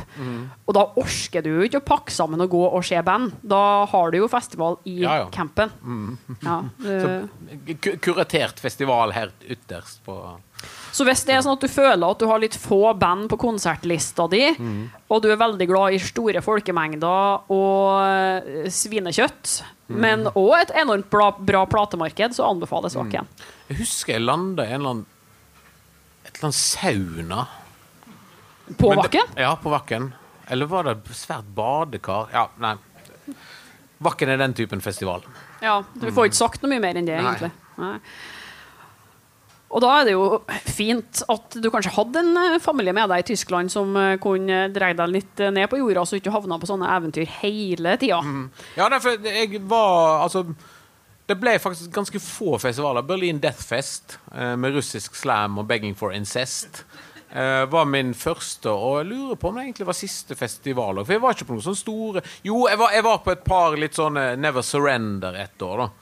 Sånn black metal-festival. Men, men jeg var aldri på noen av de store, sånn Summer Breeze eller Vakken, mens, mens vi bodde der. Nei, for du har jo fått en del um, andre interesser òg. Det virker som at du har fått dem eh, nesten når du har vært i Tyskland. Og um, badeland, eller utendørsbad, som uh, er veldig stort i Tyskland, det har du besøkt en del av. Ja, Og altså, gitt karakter til. Ja, altså jeg er jo journalist og liker å bedømme folk, så må jo sette i gang. Nei, altså jeg satte satt i gang og jeg bestemte meg for at For vi er veldig glad i å bade, og det er jo òg tyskeren, så det er vi veldig like. Altså bading, svømming er jo er folkehelse. Så vi fant ut at vi skulle sette i gang med å besøke alle de offentlige badene i Berlin, som er 60 stykker. Eh, og så, vi, kom, vi kom ikke så langt at vi ble ferdig pga. korona. Da ble, så ble det sånn vanskelig med å, å bade. Men, men da, altså Tyskeren på festival med, med liksom Dikotte, med heavyvesten sin, og tyskeren i bad, det er liksom Det er peak Tyskland. Det er, da, da, da treffer du tyskeren på sitt, på sitt mest inderlige. Da. Så Derfor så ble det egentlig veldig fint å, å, å dra rundt og, og besøke tyskeren der han liker seg best, da, i badene. Kan, kan du beskrive uh, tyskeren i badet? Vi begynner jo å få et visst overblikk nå over den tyske uh, metallhelten i dikote, men uh, hvem er den tyske badegjesten? Um, nei, veldig bestemt. Uh, veldig, og det er vel i, i, i bad at, at regeltyskeren kommer ordentlig fram. Da. Um, nei, men Og så kommer jo nudisten selvfølgelig fram òg, da. Altså Freikorper-kultur. Um, nei, litt vanskelig å si, for det, um, absolutt alle går og bader i Tyskland. Uh, så hvis du går i, da, i Prinsenbadet i Kreuzberg, så står som så står det 20 politibiler utenfor og venter på gjengslagsmål i køen. Um, for det er, jo, det er jo 40 grader i Berlin på sommeren. Og så skal liksom for, altså, eh, Prinsenbad altså, det, det, det, er ikke akkurat sånn Tøyenbad. Jeg tror kapasiteten er 5000 mennesker. Um, så det, er ganske masse folk, og så blir det veldig masse kø, og så er det 40, 40 grader. Og da, da, blir det vanskelig, da. Um, I køen da blir det, blir slåssing, så da står politiet utenfor. Og så står, kommer de inn, og så er det Og dette er veldig berlinsk. da Står som forbudsskilt. Det er ikke lov å ha med seg kniv inn, som er jo logisk. Og det er ikke lov å ha med seg grill og sette fyr på den. Men kanskje viktigst av alt, det er ikke lov å fyre opp vannpipa inne på, på bad. Nei, men altså sånn, eh, med, med, med tyskerne på bad så er det litt vanskelig å beskrive, for at absolutt alle går og bader. Og det er jo det som er fint. Det er, det er nok det aller mest folkelige en kan gjøre i, i Tyskland, er å gå på, gå på bad. Men du hadde en egen i den karaktersettinga di. Da, så hadde mm. du flere forskjellige punkter som du gikk gjennom, som var viktige for at et bad skulle mm. eh, oppfylle kravene dine eh, til riktighet, rett og slett. Og et av dem, en av de kategoriene var jo tyskhet. Mm. Mm. Og eh, hvordan ser man uh, tysk altså, Hva er tyskheten i et bad? Hva var, det, hva var, det, tyskeste badet du var i? Beskriv det, så kanskje vi får litt liten følelse av uh, det her. Nei, altså, nå, er vi litt inne på uh, Nå, er, nå kommer jeg inn på den strenge tyskeren. Nå. jeg er veldig glad, glad, i, glad i tysker, men hen kan òg bli veldig streng. Jeg er veldig opptatt av at reglene skal følges. Så jeg husker da jeg hadde en opplevelse som er litt, nesten sånn klisjéaktig opplevelse med den strenge tyskeren, men den skjedde, da. Um, for meg og Oskar hadde vært på Olympiastadion-badet, som er et aldeles nydelig, nydelig bad. Altså det originale eh, konkurransebadet fra OL i 1936. Der kan du gå og bade på sommeren. Og Da var vi på tampen av sommeren 2018. Og da eh, fikk ikke Oskar lov å hoppe ut i hovedbassenget der, for at han hadde sånn svømmevinge eh, eh, på seg. Så det ble litt sånn surmuling mot vakten på det. Og så sa jeg at hvis vi bruker vinter nå på at du skal lære deg å, å svømme inne i halvbadene, så skal vi liksom Premien blir at du skal få bade i voksenbassenget når kommer vi kommer til våren. Og det øvde vi masse på gjennom hele vinteren. Og så kommer vi da til eh, første badet da, på Am Insulanerberg nede i Sør-Berlin. Veldig kult eh, sånn utebad. Og så eh, skal Oskar da få lov til å prøve å hoppe litt uti og svømme i liksom, voksenbasseng, og det er dypt og sånn. Og han, han, kan jo da på dette tidspunktet svømme, i hvert fall holde seg flytende. Eh, så jeg ligger uti der, og så hopper han uti, og så ser jeg at noen det, det, Dette vekker liksom interessen til en badevakt, eller bademeister, som for øvrig er en beskytta tittel um, i Tyskland. At jeg liksom ser på han, da han lille guttungen der, han skal ikke være i, i mitt basseng. Og så kommer og så peker på meg og så sier hun ja, du, han, eh, han, eh, han, han, skal ut, han skal ut, han kan ikke svømme. Så sier jo, han kan jo svømme, han svømmer jo bort til meg. Jeg ligger jo liksom tre meter ute, han hopper uti. Og så sier Oskar, og så sier hun til han da ja, OK, du, du, skal vise meg at du kan svømme. Og han da, femåringen, sånn ja ja, gjør sånn som han blir fortalt. Og så på det, så hopper han uti, og så begynner han liksom å kattesvømme mot meg. da 'Das ist nicht schwimmen!' og peker på han. 'Du! Du skal ut!' Ja, han femåringen der, han, Men han reagerer egentlig ikke så masse på det. Da. Jeg blir jo rasende forbanna. Og koker liksom den, den sosialdemokratiske, skandinaviske pedagog, pedagogen i meg. Liksom, du skal ikke snakke til unger på den måten. Han bare, kunne ikke brydd seg mindre. da. Men da, der og da så tenkte jeg dette her nå, nå er liksom alle klisjeer på plass da, i det lille øyeblikket der. Eh, så du noen gang kombinasjonen av heavy metal og bading? Når vi først er inne på det? Nei, for et, et av det her et, et, av de forbudsskiltene er jo òg selvfølgelig en gettoblaster. Kain musikk. Ja, kain musikk. Uh, men, nei, men jeg så faktisk Det er en interessant ting, for at um, jeg så noen Det som du ser i, når du bader, er at du ser jo, ser jo til folk. Og da ser du jo òg de tatoveringene som egentlig strengt tatt ikke er lovlige i Tyskland. Når du kommer til Østen, så ser du noen tatoveringer som er, altså, er ulovlige. Som hva da? Nei, F.eks. noen gamle SS-slagord eller Macht frei og inngangen til Auschwitz tatovert over hele ryggetavla og sånne ting. Så det, det, det, er vel ikke kombinasjonen av bading og heavy metal, men uh, ja. Ja, og mye annet. Ja. ja. Du sa jo òg at du egentlig ikke fikk med deg så mye um, konserter og festivaler som uh, du kanskje skulle ha ønska, mm. fordi du begynte å feire på fotballkamp. Ja. altså, jeg fikk med meg egentlig veldig masse konserter, med festivaler fikk ikke med meg så masse av. Men altså, da jeg flytta til Tyskland, så skjønte jeg jo ganske fort at det gøyeste Jeg visste jo at jeg kom til å gå masse på fotball i Tyskland, men det tok egentlig ganske sånn overhånd. Uh, for i løpet av et år, halvannet, så hadde jeg jo skaffa meg sesongkort hos Hertha Berlin på Olympiastadion. Og da fyller du opp 17 helger med fotball. For ikke, altså, Samboeren min tror jo fremdeles at fotball er sånn som varer 90 minutter, så da er jeg opptatt 90 minutter på lørdagen. Men eh, det varer jo litt mer enn da. Det blir jo fort sånn uh, at det tar opp uh, i hvert fall hele dagen. Og da er det og da er det, det er vanskelig da, mellom alle disse 17 heimekampene så er det vanskelig da, å legge inn Ja, du, sorry, altså, den helga Nei, da mellom det to, mellom Hertha Werder Bremen og Hertha Eintracht Frankfurt, så må jeg dessverre opp til, til Hamburg, for jeg skal på, skal på Vakken, eller jeg skal på ditt eller datt. Så da, så ble det mye mindre festivaler enn en planlagt. Kan du beskrive en sånn uh, kampdag? da? Hvordan fortoner den seg i, uh, når du skal heie på Hertha Berlin? Den, den, fortoner seg åpenbart som å gå på en heavy metal-konsert. Uh, hvor en da drar så tidlig som mulig for å gå på tilstøtende kneiper. for så å bevege seg over til arenaen der ting skjer. og så for å da fortsette den festen på igjen, er kanskje ei anna tilstøtende kneipe, eller på, på S-banen eller U-banen hjem. Og til sammen så tar dette kanskje sju timer? Åtte timer?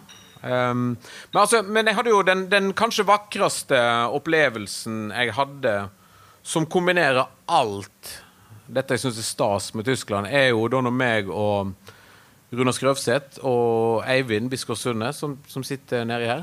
Um, du våkner nå, ja? Um, når vi var, i, uh, var, i, Frankfurt for å se Eintracht Frankfurt mot Augsburg Og Eintracht Frankfurt har jo et publikum som en kan vel si er det nærmeste du kommer et entusiastisk metal-publikum.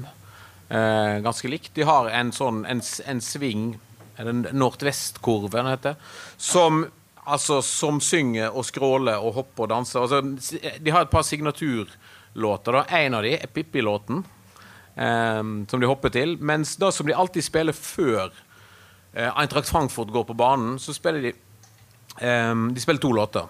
De spiller Im Herzen von Europa, som er en låt fra 50-tallet med eh, Frankfurter Polizeikor, altså politikoret i Frankfurt.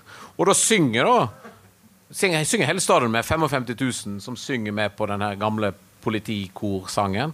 Og så kommer Tankard.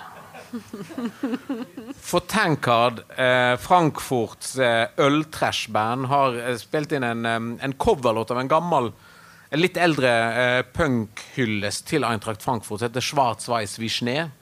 Og den blir spilt før Eintracht Frankfurt går på banen hver eneste gang. Um, og faktisk Da Eintracht Frankfurt kom til eh, eh finalen i DFB-pokal, den tyske cupen, i 2018, eh, så ble da mm, Eintracht Frankfurt tildelt østsvingen på Olympiastadion, som er der fansen til Hertha Berlin står til vanlig. Og det siste som skjedde før den kampen sparka i gang, det var jo at, um, at Tankard kom ut og spilte Schwarz-Weiss Wischne foran 75 000 på Olympiastadion. Og det mener, altså, hvor, mange land i verden finnes det liksom et, et, et måtte, overvektig trashband fra 80-tallet som får lov til å spille i oppvarming til cupfinalen? Men da vi så Eintracht Frankfurt mot Augsburg, så var jo da Kampen var litt nedtur, men bare den følelsen av å stå der og se 50 000 tyskere hive ølen sin i været og sennepen og ketsjupen fra, fra, fra vorsten bare liksom gnidd utover ansiktet, mens de synger inderlig til en Tankard-låt. Det er kanskje sånn det peak Tyskland i løpet av eh, fire år. Det, det må jeg si. Altså. Nå har vi jo snart begynt å jobbe en stund, så om ikke så altfor lenge så bør vi sikkert begynne å avrunde. Vi skal ikke gjøre det helt ennå, men jeg vil bare si til dere som sitter her, at det blir mulig å stille spørsmål på slutten. Så hvis det er noen som brenner med noe, eller tror at de kanskje klarer å komme på et spørsmål, begynn å formulere det i hodet, sånn at du kanskje tør å rekke opp hånda når jeg ber dere om det etterpå. Det er alltid litt sånn flaut hvis ingen melder seg, men uh, vi kan alltid late som. Så begynn å tenke på det nå. Men når du var i Tyskland først, mm. hva var det du umiddelbart eller etter hvert tenkte at OK, det her er den store forskjellen mellom Norge og Tyskland. Ja, vi er like, men det her er den store forskjellen. At folk kjefter på meg. De tør ikke det heller, men det er fordi du er kjendis. Du er ikke kjendis nei, i Tyskland. Nei, men det handler ikke om det. Nei, men det er, at uh, Ikke kjeft på meg, men altså at folk sier hva de mener, sånn helt åpenbart. Hadde en veldig egentlig ganske kul opplevelse med det. For vi opplevde at uh, naboene våre var veldig hyggelig. Da. Og sånn som de alltid gjør i Tyskland, når du flytter inn, så kommer de da Jeg vet ikke om det er Tyskland eller om det er en Berlin-greie, men de kommer alltid opp med et brød og en pose med salt til deg. Salt og brød? Tyskere, vet, er, det, er det tysk eller er det berlinsk? Nei? Det er en tysker eller ja. to her. Jeg kan ikke Nei, for det skjedde i begge leilighetene med hm? Det er tysker. Ah, der, okay, ja. der er det jo! Eh, så da kom en kjempehyggelig nabo. da, så kom han, Og så begynte han å kjefte på meg, for jeg var da hjemme, hadde hjemmekontor. Um, og så kom han opp, og så Og den kjeften, det er ikke sånn liksom, hyggelig nabo. Det er sånn, sånn pekefinger og litt sånn nesten roping sånn. Eller han banker på, da, og så åp, åpner jeg døra, og så begynner han Og så får jeg høre da at uh, om ikke jeg kan, når jeg er på hjemmekontoret mitt, om ikke jeg kan bare ikke bruke halvparten av leiligheten, for da syntes han var så slitsomt å høre på at jeg går over der. Masse, det, var veldig, det var en veldig lang historie, men det, altså det skjedde veldig masse ting. Men så hadde jeg besøk av Ole fra Terratur Possessions, eh, norske black metal-labelen. Han og samboeren var eh, på besøk hos meg, for vi skulle dra til Leipzig for å se a-ha live in Leipzig. Um, og da begynte vi med å ha hjemme alene-fest eh, hos meg etter vi har vært litt uh, ute på en litt sånn litt bedre middag. Um, og Så satt vi og hørte på gammel Led Zeppelin jævla høyt. Og da kom jo da naboen min opp og satte i gang med sånn enorm kjefting. Altså rasende sint. Men han er egentlig ikke sint, det er bare måten å snakke på. Så da kom jo da Ole, eh, som er kanskje den jeg kjenner som er, er like trøndersk som deg, og sa til han du, nå må du slutte å kjefte, vi har det jo så gøy. Vi hører jo på gammel Led Zeppelin. Så er han på engelsk Oh yes, I remember I saw Led Zeppelin in Düsseldorf in 1977. Så er min, min, eh, min tyske nabo, da.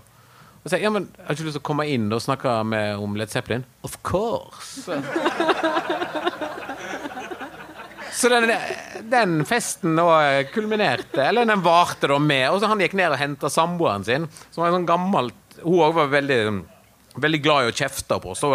Hele tida stoppe oss i gangen og sa at vi måtte slutte å bråke og sånn. Men hun var da vokalisten i det gamle eh, gamle Düsseldorf punkbandet Sex Trash. Eh, som likte å kjefte, men òg var veldig glad han ble invitert på Led Zeppelin-fest av Ole fra Trondheim. Herlighet, altså. Men hva savna du mest eh, av Norge når du var mm. der? Hva begynte du å sette pris på med, med hjemlandet? Altså, jeg vil mest um, Med tanke på å bo i Berlin, så det jeg savner mest, er å kunne gå til ting. Drittlei av at jeg skal måtte planlegge at alt skal være tre kvarter unna. Hva savner du med Tyskland nå som du er tilbake hit, da? Mm, uh, nei, altså jeg, jeg savner som fotballmessig savner jo Selv om ikke det er så aktuelt akkurat nå, men jeg savner jo bare tanken på å ha f.eks. Bundesliga, Sveite Bundesliga, liksom tysk fotball i umiddelbar nærhet. At det kan være en del av helga. Um, og så um, um, du har tross alt laga en podkast om tysk fotball for ja, ja. å Ja, men Det er bare en unnskyldning for at jeg skal kunne dra tilbake igjen. Og, og, og, og dra ja, Sorry, altså, men jeg må på jobb i helga. Så, sånn at jeg kan dra tilbake og se fotball. Nei, men altså, jeg, jeg, da jeg, um, uh, jeg, jeg savner egentlig at, at ting er egentlig veldig sånn enkelt. For denne kjeftinga som du får veldig masse av Berlin, er jo egentlig ganske praktisk. For at alt blir liksom tømt med en gang. Hvis naboen er irritert på deg, så kommer han opp og banker på og sier fra at han er dritforbanna på deg. Og så blir du invitert på middag neste dag. Altså, savner nok litt sånn den, den direktheten fungerer òg bra. Det er ikke sånn som her, der du går og ulmer i 20 år, og plutselig så er garasjen din saga i to? Ja, ja. Og så plutselig får jeg høre alt på sameiemøte. Ja. Skal vi se, da tror jeg vi har runda akkurat timen. Og sjøl om vi sikkert kunne snakka om veldig mye altså Jeg har, beskrevet her Vi skal jo snakke mye om Doro, Udo og Mille. Og plutselig har ikke vi snakka noe om det. Og Doro Pesch og Udo Dirkschneider, Mille Petrossa. Var du forelska i Doro? Eh? Ja, ja, selvfølgelig. Ja. Var, jeg var like forelska i Doro Pesch som jeg var i ho, um, Vanessa Warwick. Husker dere henne? På um, ja. Headbangers Ball. Ja. De er ganske like, da. Så, ja. Selvfølgelig. Alle var jo forelska i Doro Pesch, da. Ja. Er det noen som med handa på hjertet kan si at de ikke har vært forelska i Doro her? Ja, okay, det var tre damer som rakk opp hjertet. Hjertet, sier jeg han, ja. Mm, hjerte. Der har vi det. For da har jeg skrevet nemlig et hjerte ved siden av ordet svin her. Og det er for at det jeg har lagt merke til at tyskere er veldig glad i, i gris. Og det å spise gris til alle, um, alle sammenhenger. Mm. Og jeg kan komme med tips da, til nordmenn nå som vi ikke kan reise noen plass. Og man har lyst til å oppleve et lite stykke Tyskland i Norge. På Gjøvik, i et blokkområde tre km utenfor sentrum, så finnes det en tysk schnitzelrestaurant kalt Schnitzelhus. Drevet av en tysker. Steinbra mat, fullt av svin og apfelstrudel strudel på menyen. Ja. Så, så det, det, kan anbefales. Så mellom blokkområdene så kan du få deg en schnitzel, så kanskje, hvis du leter ekstra hardt, så finner du Gjøvik Deathfest på en fritidsklubb der. Det kan du fort gjøre, altså. Mm. Da lurer jeg på, er det noen folk Jeg ser jo nesten ikke noe her. Blenda av dere scenelysene. Vi er jo som Live in Leipzig her. Mm -hmm. Er det noen som har uh, noen spørsmål? Jeg har en mikrofon frempå her som jeg kan spasere litt ut med. Uh, der er det en, en, en herremann som muligens enten har caps mm. eller kort hår. Mm. Vil du komme litt fremover mot scenen? Nei? Skal vi få et spørsmål over mikrofonen? Ja, dette blir gøy. Hallo. Hei. Spørsmål til Asbjørn. da. Mm. Eh, var litt inne på det, men eh, du har bodd i Tyskland i fire år nå. Mm. Eh, bodd her to måneder igjen. Har du noe abstinense? Du var inne på det, hva du savner, men noen hverdagslige ting som du mm. virkelig setter pris på det som du savner her i to månedene våre? Altså, jeg savner ordentlig ordentlig usunn, fettete currywurst på, på hjørnet. Helt klart. Jeg, jeg, spiser det faktisk på, i, i Sarpsborg. Det var jo intervju med André Bergdølmo til, til podkasten vår. Og Da var jeg spiste um, currywurst på en plass som heter Borg Bierstube. Så egentlig var det en ganske hyggelig ny plass i Sarpsborg. Men det, sånn som det ofte blir da med liksom, det som er egentlig ganske sånn trashy gatemat fra utlandet Når det blir servert i Norge, så blir det servert som en litt sånn delikatesse fra utlandet. Så det var liksom dandert sånn pent på en hvit tallerken, og så kosta det masse penger. Og så så du at, at kokken hadde gjort det litt sånn flid med å legge pølsebitene sånn at de lå sånn synkront. Da, som er jo som var en, en veldig bisarr, men egentlig ganske kul opplevelse. For det smakte veldig godt. Da. Men jeg savner, savner currywurst. Ja, når blir berliner-Asbjørn Norge-Asbjørn igjen? Mm. Um, i løpet av høsten, tenker jeg. Skal, jeg skal, jeg skal garantert tilbake for å, se, for å se Hertha Berlin ved aller første anledning. i hvert fall. Hadde jeg et spørsmål til. Mm. Hva var fineste annen plass i Tyskland du besøkte, bortsett fra Berlin? Ja, altså, jeg er utrolig glad i, um, i uh, Bayern. Altså Regensburg, for eksempel. Liten by utenfor, uh, utenfor uh, München. Um, tenker sånn, Perfekt ferieområde for nordmenn. Altså alt i, i Bayern. Både landskapet altså Du har liksom nærheten til Alpene, kan gå i fjellet. Så har du sånne der, eh, koselige vann, Tegernsee. eh, hvor du kan dra på litt sånn luksusferie. Uh, og så det bare enormt trivelige, sånn gamle, historiske byer.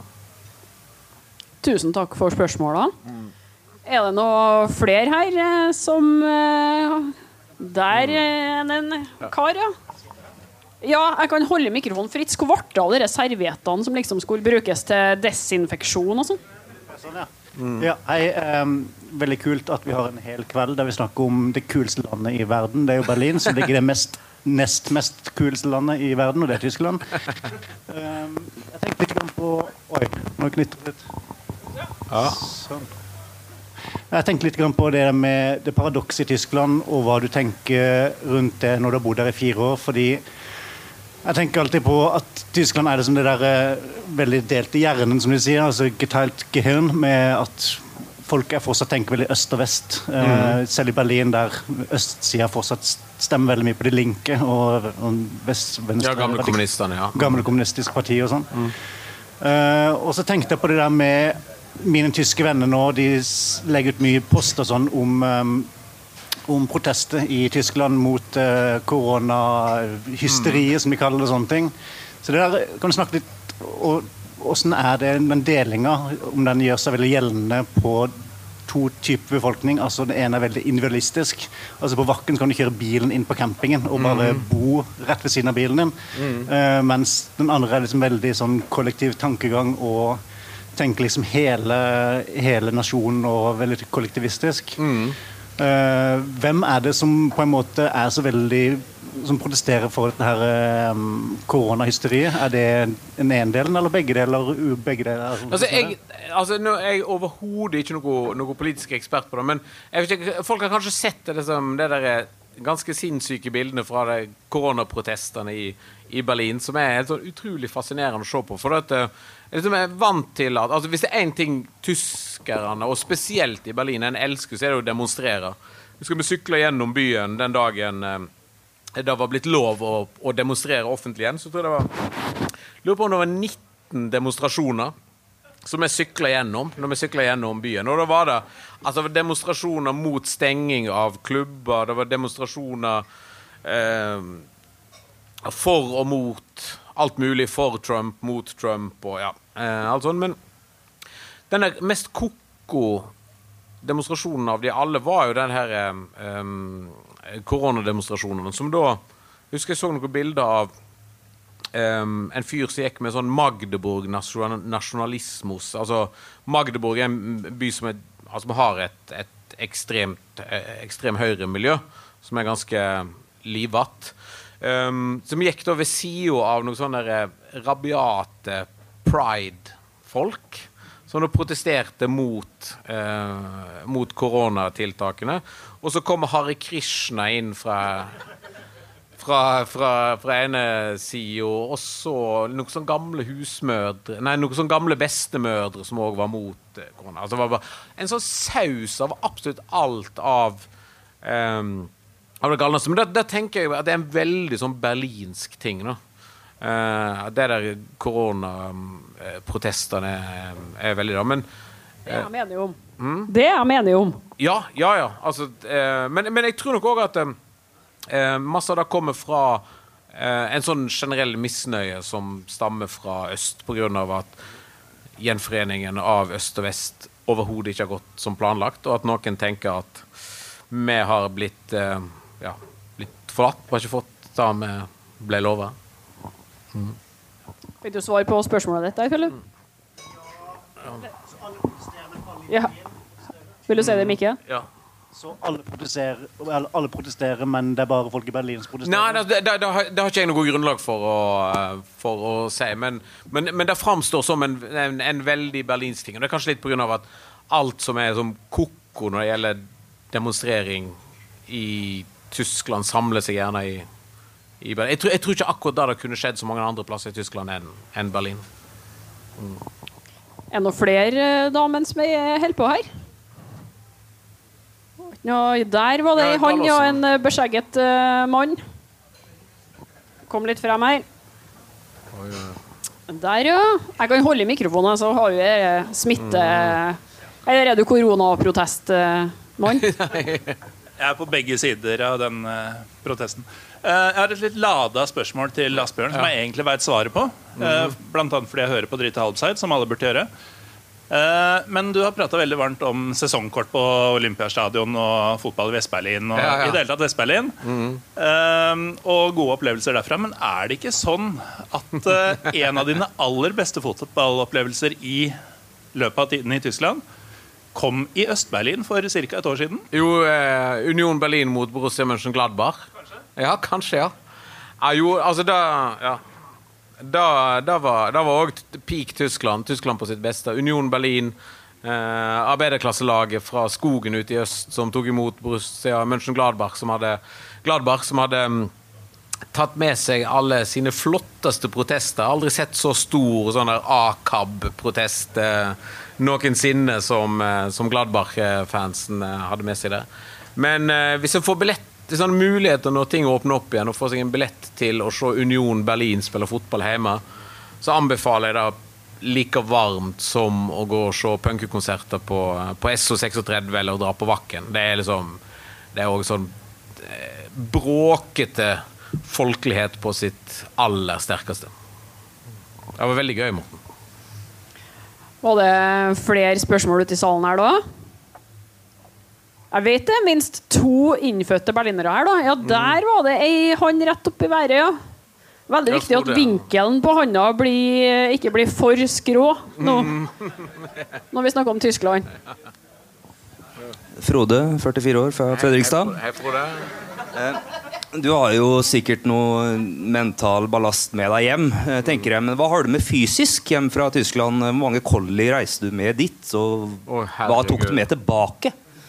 Hva har du kjøpt? Hvilke suvenirer har du med hjem fra Berlin? Og så vent med å svare til jeg går tilbake igjen. Oh, ja. Vent med å gå tilbake til du har fått antibac fra meg, du. Å ja.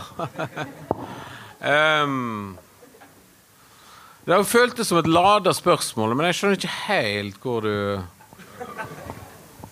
Hvor du, hvor du vil. Nei, altså Du kan jo vinkle det bort fra kroppsfasong og mot møbler og plater. da Ja, jeg har med meg enorme mengder vinyl um, hjem.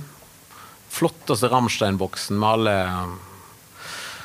alle LP-ene. Jeg har med meg um, ganske masse De Toten Haasen-album. Vi har ikke snakket om De Toten Haasen, faktisk. Nei. Hjelp! Kanskje du kan uh, ta 30 Ja, altså, sekunder om det nå? Hva skal jeg si, Tysklands DumDum Boys. Uh, bandet som uh, Nei, men altså sånn Starta som et punkeband, men som er da sannsynligvis uh, det, det største festival- og konsertbandet eh, i, eh, i Tyskland eh, nå. Jeg så de på, på Waldbyene. Sånn, det, det er også sånn kan du få anbefale Hvis en har muligheten til å se band på Valtbyene, som er rett ved siden av uh, Olympiastadion i, um, uh, i Berlin, så må en gjøre det. Jeg så Iron Maiden der òg. og da se Um, altså Valtbyene er ett et av 40 fremdeles gjenstående amfiteater som ble bygd på 30-tallet. Som var meningen skulle være sånn, um, slags sånn folkeopplysningsteater. eh, der eh, de regjerende myndigheter på 30-tallet eh, skulle opplyse folket og ha litt kultur og teater. Eh, men noen av dem ble bomba. Eh, det var planlagt 400 av de. 360 av de ble ikke bygd. Eh, Valtbyene står igjen. Og der spilte annet Iron Maiden i 2018, så jeg de. Spilte de på um, den um, siste retroturneen sin. Og da, altså, det er sånn amfiteater som er bygd ned i skogen. Så vet du, når du er på festival vanligvis, så ser du alltid sånn masse trailer og, og ting og lastebiler bak sånn. Mens backstagen på valpbyene den ligger da under skogen i sånne bunkere. Gjemt vekk. Så alt du ser, er bare skog, en scene og et amfiteater som tar 22 000. Eh, og i motsetning til sånn eh, masse konserter nå om dagen hvor det er Golden Circle og det er alle mulige sirkler og du må kjøpe billett til forskjellige plasser, så er Valtbyene førstemann til mølla. Så fansen som står der utenfor da, sju timer før, eh, før eh, Valpbyen åpner for å se Maiden, de får plassene helt fremst.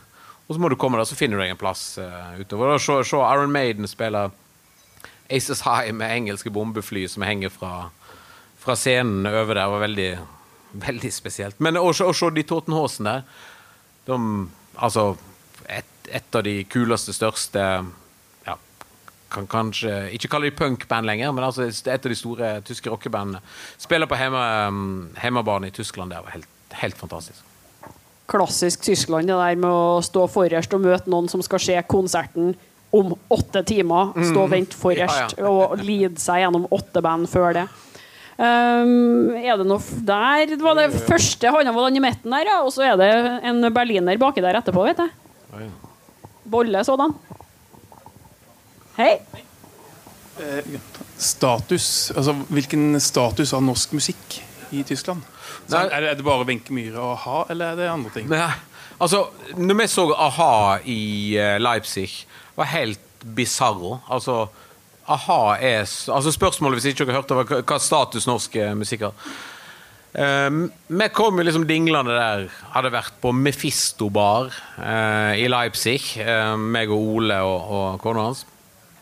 Og tenkte vi liksom skulle på en vanlig a-ha-konsert. Og så går vi ut der i gangene rundt Leipzig Arena, som tar sånn 5000. Så det var liksom ikke det folk her, det er jo helt tomt. Og så går vi inn, så tar vi liksom vekk um, um, på en teppet som henger ned, og som er inn til stadion. Og så ser vi at grunnen til at det er tomt der ute, er at absolutt alle har satt seg på plassene sine. For de er så klar for å se a-ha. Så sitter 5000 godt voksne tyskere klar for å bare elske a-ha. Aldri sett noen være så um, dedikert eh, til et norsk band noensinne, tror jeg. Men sånn ellers er statusen til norsk musikk i Tyskland De er veldig fans av Turboneger. Um, og Kvelertak er kjempestor. Og så er det en del sånne yngre norske popartister. Aurora, f.eks. Sigrid, er gigantiske på, på radio i sånn popsammenheng. Ja, Marit Larsen hørte Og- du og når så- vi var jo, du, jeg, må, jeg må fortelle, jo, Marit Larsen, men den rareste historien av de alle er at første leiligheten vi fikk Vi slet litt med å finne oss leilighet i begynnelsen, men så var han på en visning, så var det 40-50 andre som var på visning. Um, og så kommer vi og ser på han, og så skjønner de som har leiligheten, vi er norske. Og så ser han huseieren på meg og sier han, du vet jeg har én tradisjon. En gang i året så gjør jeg det samme år etter år etter år. Og det er at jeg går i Colombia-hallet, og så setter jeg meg ned helt alene, og så ser jeg på Kari Bremnes. Kari Bremnes, dritsvær i Tyskland. Og årsaken til det er ganske interessant, for hun har spilt inn alle platene sine i et um, studio, Rainbow Studios, på, uh, på Grünerløkka. Uh, en produsent um, som heter Jan Erik Kongshaug. Og det tyske hifi-miljøet er helt sånn besatt av alle innspillinger som er gjort i Rainbow Studios. Um, så derfor så kjøpte alle i hifi-miljøet Kari Bremnes-plate, og så vokste det ut derifra. Og så har hun liksom fått seg en karriere i Tyskland, og skaffa meg leilighet. Wow. Da så jeg en bak deg som er på vei frem nå, ja. Og det er en ekte berliner. Å, Oi, med oi, oi. veldig riktig skjorte. Evil German står det på den. Hei, hei. Um, bare spørsmål etter fire år i uh, Tyskland. Har du, har du tatt med noen særtyske vaner, eller ting som du ikke hadde trodd du skulle gjøre hvis noen hadde fortalt det om før, Ja. før du har flyttet dit? Preisvert. Geiz ist geil. Ja. Nei, nei jeg, har, jeg har tatt meg med noen uh, tyske vaner. Jeg er blitt eh, enormt mye mer opptatt av hva ting koster. Og prøve å um, ja, sånn, ja, kjøpe ting på, på tilbud og salg og, og sånn. Ja, men altså sånn eh, Rett og slett fordi jeg er blitt mye mer bevisst på å ikke bruke unødvendig med penger. For Hvis det er én ting som jeg liksom merker med en gang og i Tyskland, er jo at det er jo ingen som jeg kjenner som har kredittkort. Altså av tyskere, da. Det er ingen som har kredittkort, Den bruker jo ikke kredittkort, for det er jo ikke dine penger. Du må jo ha pengene, og så kan du bruke de. Og det har jeg tatt med, men da, men da tenker jeg er utelukkende en positiv ting. da. Slutte å sløse. Er du som tysker enig i det her? Ja. Hvis tyskerne Jeg mener bare, hvis de betaler i prinsippet et kort i det hele tatt, det er jo alt kontant eller Ja, ja.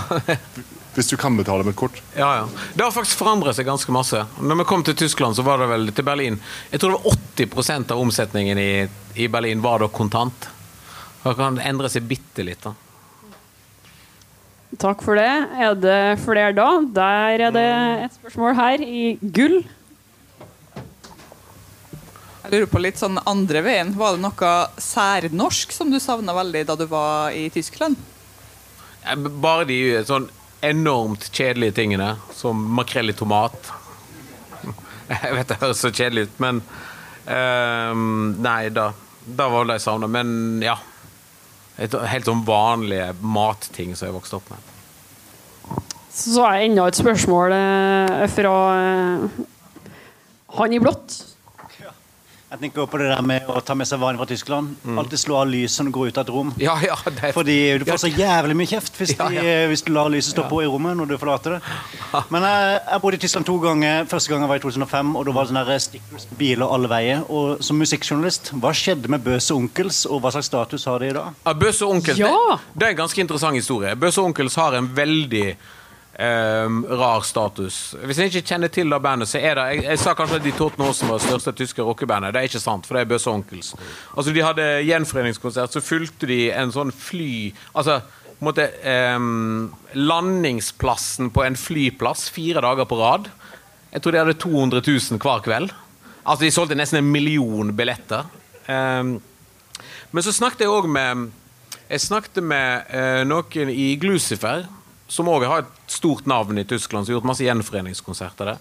Og de hadde fått tilbud De har vært og spilt i Tyskland, så har de fått tilbud. Noen fra liksom Bøse onk onkels-miljøet hadde kommet backstage eh, og sagt at vi vil ha dere med som support for eh, på en eller annen konsert, eller om det var en, en stadionturné, eller hva det var. Og da og, um, Jeg tror um, Glucifer skjønte litt måte, hva konnotasjoner Bøse og Onkels har, men de skjønte det i hvert fall da de, altså gikk en time seinere, så kom noen da, fra måte, det tyske hva skal jeg si, punk, rockemiljøet som Glucifer er en, en slags del av, og sa at dere vet at hvis dere sier ja til de tingene, så får dere aldri noen andre jobber hos klubber dere har spilt på igjen noensinne. For Bøsse Onkel, som er et dritstort band, um, begynte vel karrieren sin med noen låter som var altså, veldig lite subtile i retningen Tyskland for tyskere. Altså, var et, det, du kan ikke si det var et nynazistband, men det var et, et veldig nasjonalistisk band på tidlig 80-tallet. De første singlene, så det henger med fremdeles. Da. Så statusen deres er at de er et folkelig, gigantisk band, men de er på en måte de eksisterer helt i sin egen sfære. De har ikke noe med måte, resten av hva skal jeg si, tysk punk, hardcore, rockescene å gjøre. da. Da må vi snart begynne å sette strek. Er det noen flere eh, som har noen spørsmål da? Og en, eh, nok en berliner har et spørsmål her. En Hertha Berlin-fan òg, om jeg ikke tar feil. Eh, jeg kan ikke si meg enig i din Tote Hosen-opplevelse etter å ha stått borte mot Düsseldorf. I, eh, Men eh, Berlins beste døne, det har ikke du snakka om. Og det er det vi snakker mest om når vi er i Berlin. Mm, nei, altså, jeg har Hva er det den heter, da? Det ligger en i Schøneberg, rett ved siden av Stadbad Schøneberg. Flotteste badehallen i Skjøneberg Schøneberg, rett på andre siden av gata der. Jeg husker ikke Jeg husker ikke navnet på han i, eh, i farten, men det, det, det, den holder jeg som den som, som den, eh, den beste, da. Men jeg har hørt noen som har sagt at det er en ganske kul eh, en, en i Oslo som åpner som selger sånn berlinerdøner. Døner Bros. Ja, er det ok- sånn passe? Bob Bob, sier tyskeren. Du, du, det rykka i munnviken din nå når han nevnte curry- currywurstplassen. Det var ikke den beste ifølge deg. Hva, hva er den beste? Jeg kan gjenta det for folk her.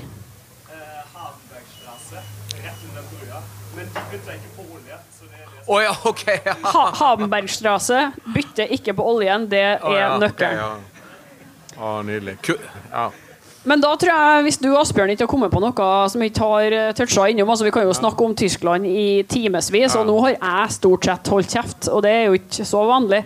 Um, Nei, så men vi, jeg tenker vi har vært innom det meste nå, da. Jeg tror vi må Men, men, men, nå skal vi spille tysk heavy. Ja, vi, vi skal gjøre det. Ja. Vi, vi, skal, vi skal gå ut til ei låt, og etter det så skal jeg og Asbjørn spille musikk. Mye tysk blir det her nå frem til det stenger klokka tolv. Få på litt tankard på slutten.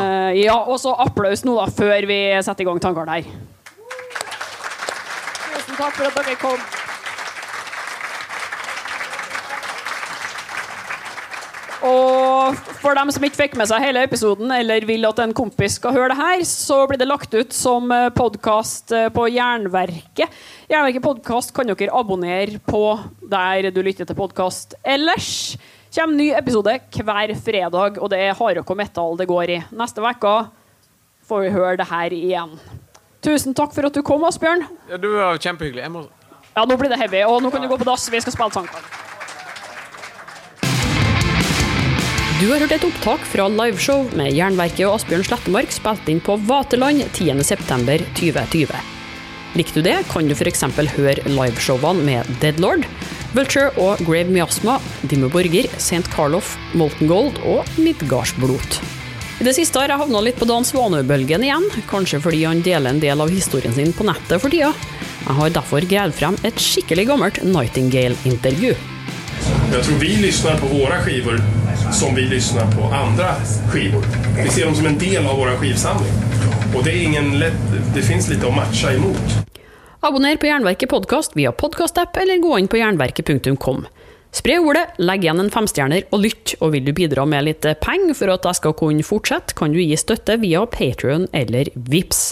Og husk på å følge Jernverket på Instagram og Facebook for konkurranser, diskusjoner og musikalske tips. Jeg heter Helle Steinkløv og gir deg et nytt eller gammelt hardrockintervju hver fredag. Vi høres!